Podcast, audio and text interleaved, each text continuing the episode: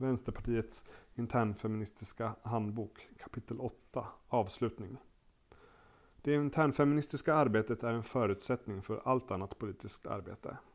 Om kvinnorna i partiet hålls tillbaka får, de, får det stora konsekvenser för allt partiet gör, både organisatoriskt och politiskt.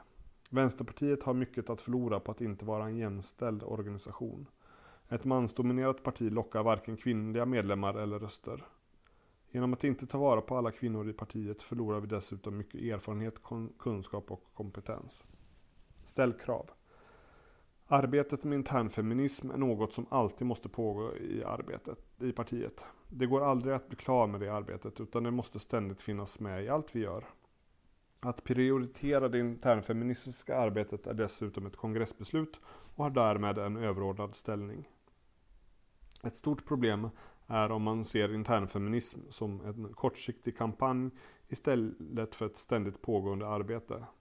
Ställ krav på styrelserna att de ska ta ansvar och göra en långsiktig planering om hur, när och vad som ska göras inom det internfeministiska området. Det är deras ansvar att följa kongressbeslutet. Kräv att de feministiska studierna prioriteras.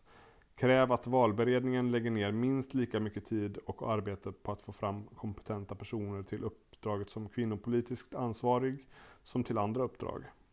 Om inte kvoteringsstadgan följs, kräv då att få läsa det protokoll där beslutet om vilka synnerliga skäl som låg bakom när beslutet togs. Kräv även att könsuppdelad statistik tas fram i din förening och att allt internfeministiskt arbete utvärderas och diskuteras. Be om hjälp. Om man känner att man inte har kompetens nog för att kunna jobba internfeministiskt så är det bara att utbilda sig.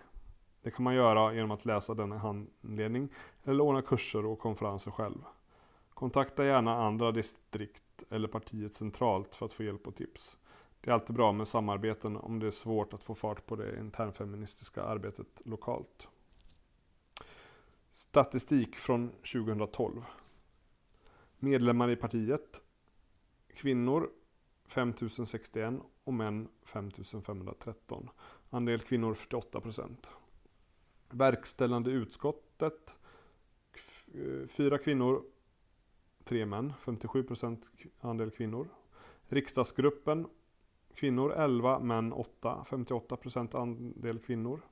Partistyrelsen kvinnor 21, män 12, 64 procent andel kvinnor. Kommunfullmäktigeledamöter 324 kvinnor, 379 män, 46 procent andel kvinnor. Landstingsfullmäktigeledamöter kvinnor 48, män 50, 49 procent andel kvinnor. Gruppledare landsting 9 kvinnor, 12 män, andel kvinnor 43 procent.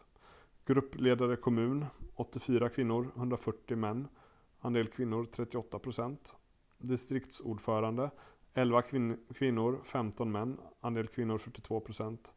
Partiföreningsordförande 111 kvinnor, 152 män, andel kvinnor 42 procent.